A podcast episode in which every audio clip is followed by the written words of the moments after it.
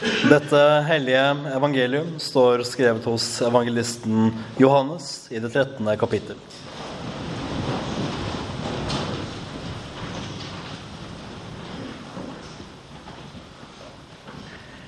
Det var før påskehøytiden, og Jesus visste at hans time var kommet da han skulle gå bort fra denne verden til Faderen. Og som han hadde elsket sine egne som var i verden, slik elsket han dem til det siste. De holdt da måltid. Djevelen hadde allerede inngitt i hjertet til Judas, sønn av Simon Iskariot, at han skulle forråde ham. Jesus visste at Faderen hadde gitt alt i hans hender, at han var utgått fra Gud og gikk til Gud. Da reiser han seg fra måltidet, legger av seg klærne og tar et linklede og binder det om seg. Deretter slår han vann i et fat og begynner å vaske disiplenes føtter og tørke dem med linkledet som han hadde bundet om seg. Han kommer da til Simon Peter, og denne sier til ham, Herre, vasker du mine føtter? Jesus svarte og sa til ham, Det jeg gjør, forstår du ikke nå, men du skal skjønne det senere. Peter sier til ham, Aldri i evighet skal du vaske mine føtter. Jesus svarte ham, Dersom jeg ikke vasker deg, har du ingen del med meg. Simon Peter sier til ham, Herre, ikke bare mine føtter, men også hendene og hodet. Jesus sier til ham, Den som er badet, trenger ikke å vaske annet enn føttene. Han er jo helt ren. Også dere er rene, men ikke alle. For han visste hvem som skulle forråde ham. Derfor sa han, Dere er ikke alle rene. Da han hadde vasket føttene deres og tatt på seg klærne, satte han seg til bords igjen. Så sa han til dem, Forstår dere hva jeg har gjort med dere? Dere kaller meg mester og herre, og med rette sier dere det, for jeg er det. Når da jeg, som er herre og mester, har vasket deres føtter, så skylder også dere å vaske hverandres føtter. Unnskyld. For jeg har gitt dere et forbilde for at også dere skal gjøre slik som jeg har gjort mot dere. Sannelig, sannelig, jeg sier dere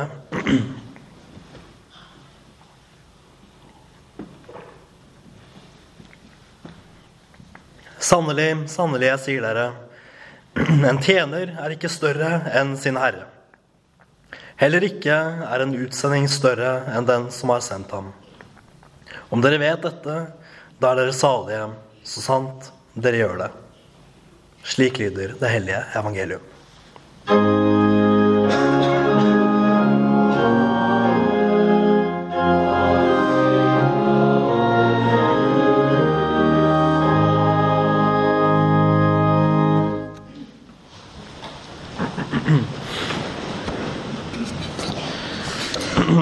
Dersom eh, det skulle være noen som eh, var bekymret for en eh, lang preken i dag, så mm, hører dere kanskje at det ikke er noen overhengende fare for det.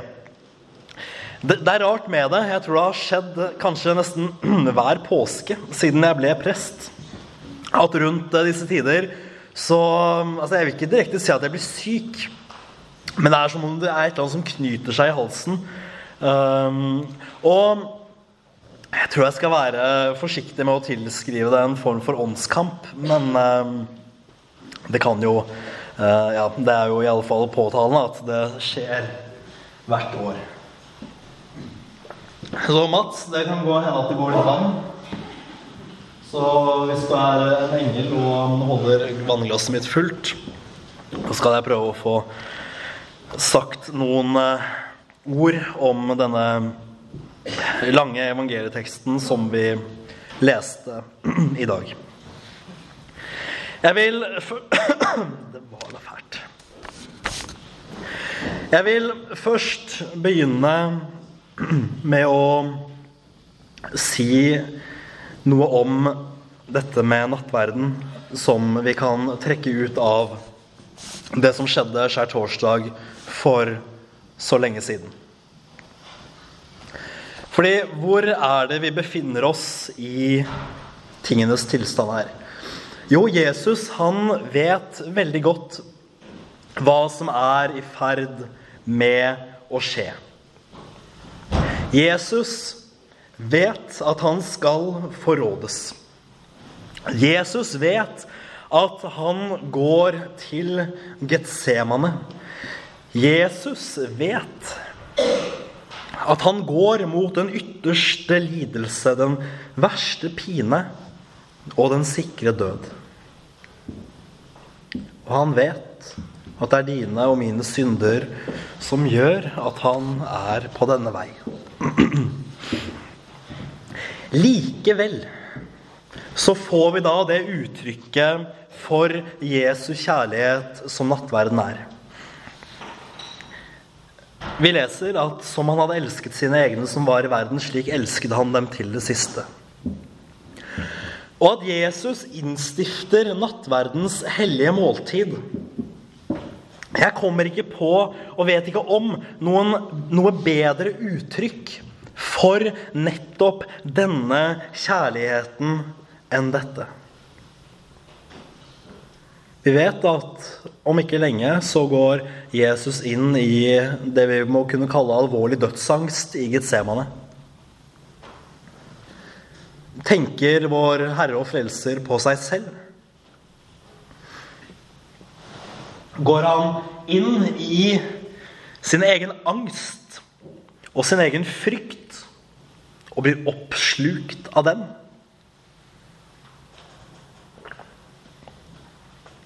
Eller har han noen andre i tankene? Har han noen andre i tankene som er viktigere for han selv enn hans egen angst, hans eget liv og hans eget velvære?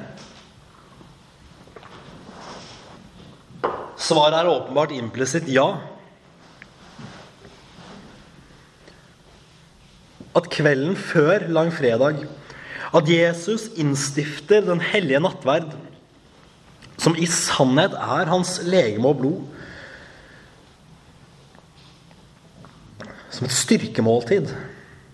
Som et hellig måltid, et dypt, vakkert og rikt mysterium hvor, hvor den kristne kan finne styrke for troen. Ikke bare det, men også syndenes forlatelse og evig liv. Ja, Det viser oss at når Jesus er på vei inn i det verste, i den ytterste lidelse, mot korsets smerte, så tenker han på oss. Han tenker på oss. Han tenker på sine kjære som han hadde i verden da. Men Jesus han tenkte også på sin hellige kirke, som skulle komme til å være ned gjennom årtusenene fram til vår tid. Tenk på det. At dette vakre, dype og rike måltid, det er noe Kirken har samlet seg om i 2000 år. Det var noe som begynte da, skjær torsdag, for 2000 år siden. Det var noe de aller første kristne begynte med raskt etter det. Og det er noe vi har fortsatt med fram til i dag. Men det er jo ikke primært teksten om innstiftelsen av nattverden som vi leste fra evangeliet etter Johannes i dag. Vi leste om fotvaskingen, som også er en av um, skjærtorsdag sine viktige hendelser. Og fotvaskingen hvor Jesus vasker disiplenes føtter, den er enkelt sagt interessant. For det vi leser, det er at Peter han tar rett og slett anstøt av det Jesus gjør. Og ikke bare litt anstøt. Veldig anstøt. Han setter seg nesten fullstendig på bakbeina og sier nei, nei, nei, nei, Jesus, det her skal ikke du gjøre. Det her kan ikke du gjøre. Hva er det han sier? Aldri i evighet skal du vaske mine føtter. Det er ganske sånn Endelig! Dette her vil ikke Peter være med på. Og hvorfor det? Jo, fordi det Jesus er i ferd med å gjøre, det er mildt sagt nedverdigende. I disiplenes hoder så er det fullstendig uaktuelt at deres lærer og mester, men ikke bare det, deres Herre, deres Gud, deres Messias, Jesus Kristus, Guds evige sønn, som de har bekjent tidligere, at han skal vaske deres føtter, at han skal bøye seg ned og gjøre dem rene. Det vil de ikke være med på.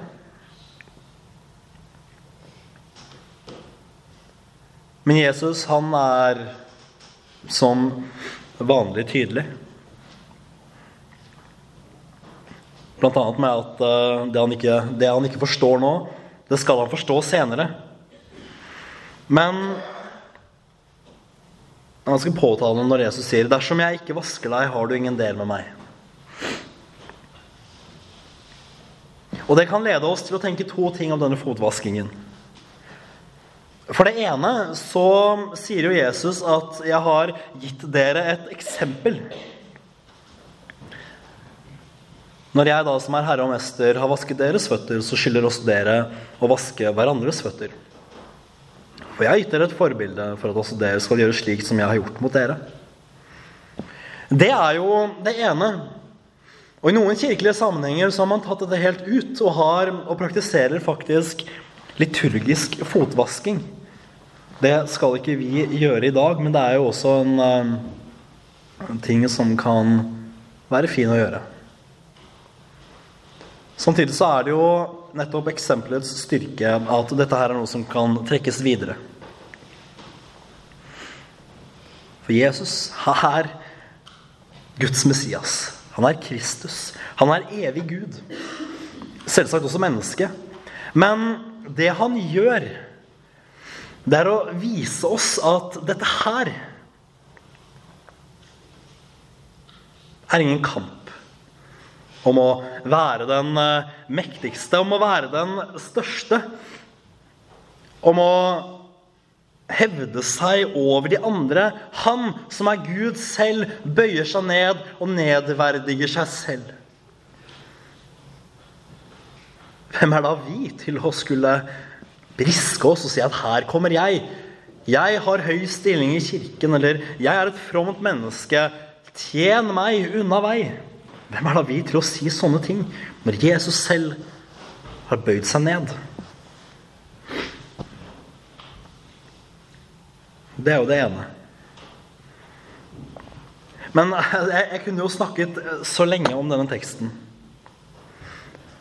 Jeg har dessverre ikke tiden til å gå inn i hele dens dybde.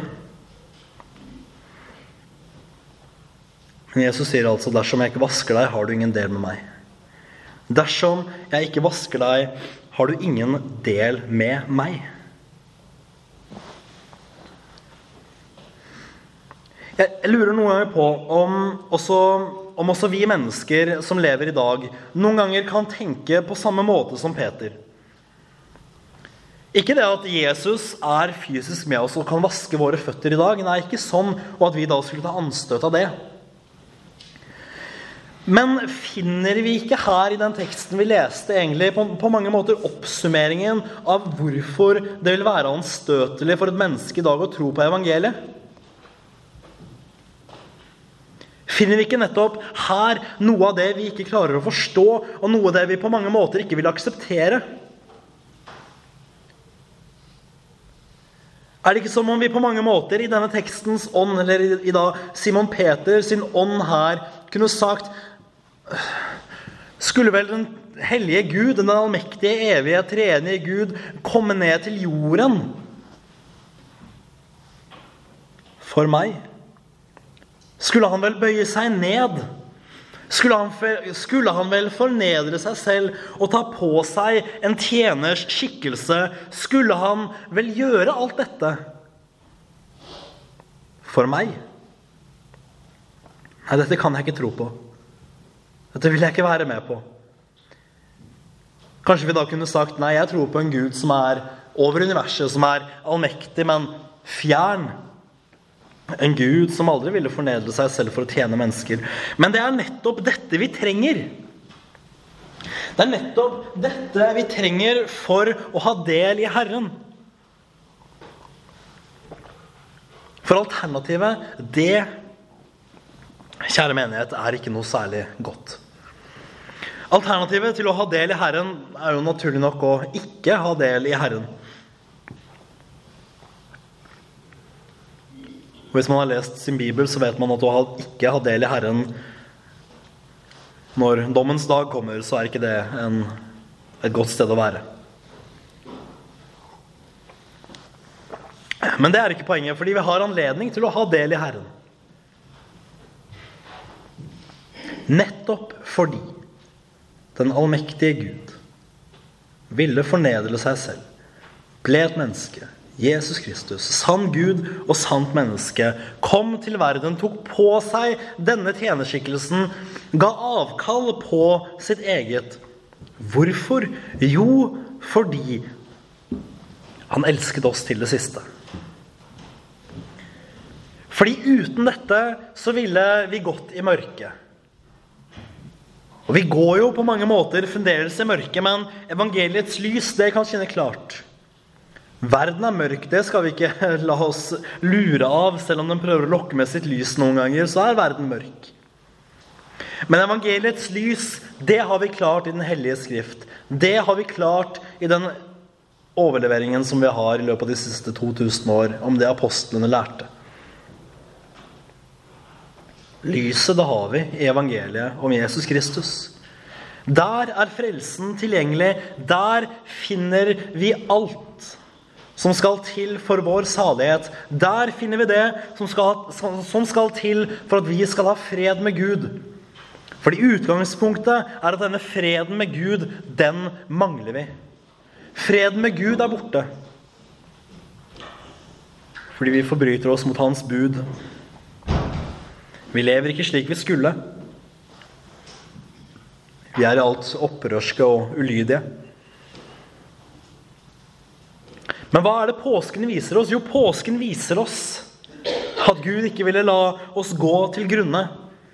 Påsken viser oss hvor god Gud er, hvor kjærlig Gud er, som gir sin sønn til oss. Som ikke bare det, men som overgir han i synderes hender på korset soner alle våre synder og knuser dødens lenker påskemorgen. Dette er et mektig og sant og gammelt budskap som skulle sette i oss en ærefrykt som vi aldri har kjent maken til. Men samtidig en ydmykhet og en takknemlighet overfor hvor god Jesus er.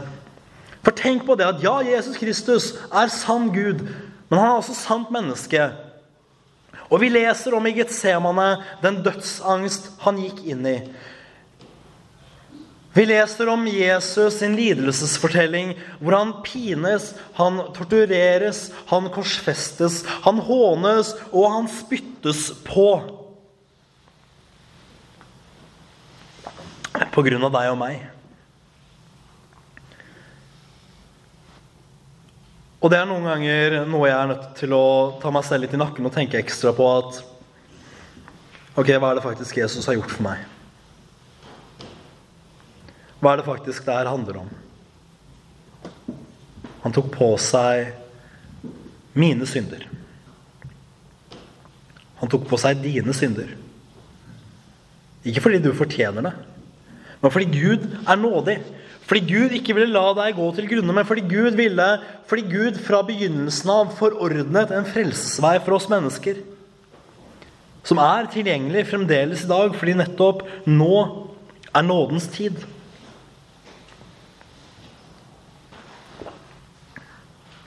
Det er noe jeg prøver å minne meg selv på når det kan virke lettere å falle i en og annen synd enn å leve et hellig liv så kan vi jo prøve å se for oss Jesu forvridde, lidelsesfulle ansikt langfredag. Der han bærer sitt kors, der han hånes av de han elsker. Det er kanskje det såreste. Og han hånes og drepes av ja, de han faktisk elsker.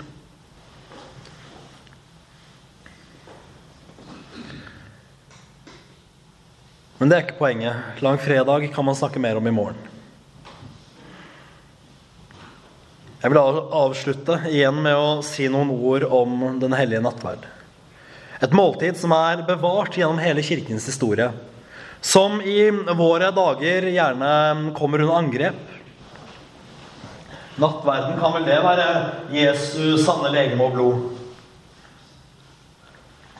Er det vel tilgivelse i nattverden? Er det vel evig liv der?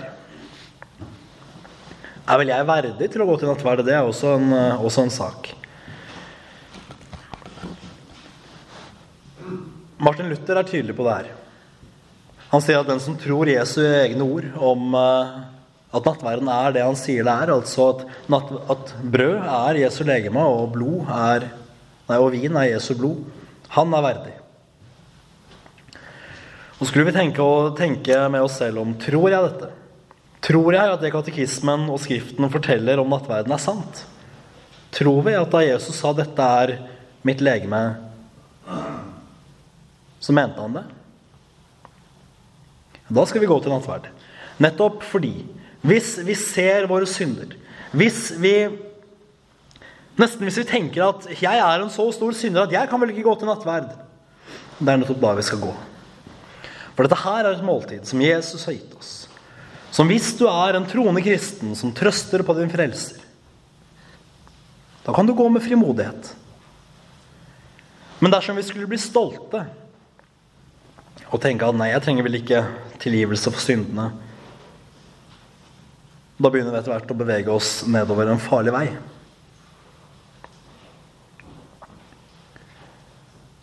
Og vi skulle egentlig ikke gjøre noe annet enn dette ene nettopp trøste oss på å stole på og tro Jesus sine egne ord om dette måltidet.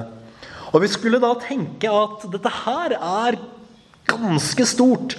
Og jeg tror at dette her er en bevissthet som mangler i våre dager. Jeg vet at dette er en bevissthet som mangler i våre dager. Men vi skulle ikke ta lett på nattverden. Vi skulle gå vi skulle gå til nattverden som angrende synder, men vi skulle ikke ta lett på det. Nettopp fordi her rekkes deg din frelser. Tenk på det. Her rekkes deg din frelser. Jesu egen Jesus sitt eget legeme og hans egne blod gis oss i nattverden. Det er vakkert. Det er et mysterium vi aldri kan forstå, og som vi ikke burde rote oss inn i og prøve å forklare for mye. Vi skulle tro det, og vi skulle finne dyp, dyp trøst i det. Så Det er min oppfordring. Og det er kanskje det jeg tror er det vi kan lære dypest sett av skjærtorsdag. At vi skulle tenke at vi skulle kunne gå til nattverd. Hvis du tror at du er en synder, hvis du tror at Jesus er sann Gud, sant menneske, og dette her er hans legeme og blod. Da skulle du komme. For På samme måte som Jesus sa at det er ikke de friske som trenger leger, men de syke. Så er det heller ikke de rettferdige, de, kanskje heller sagt de egenrettferdige, som trenger nattverd. Nei, det er de fortapte syndere som trenger nattverd. På samme måte som det er de fortapte syndere som trenger Jesus. Så kom, synder. Din frelser venter på deg i dette måltidet. Ære være Faderen og Sønnen og Den hellige ånd, som var, er og blir en sann Gud fra evighet og til evighet. Amen.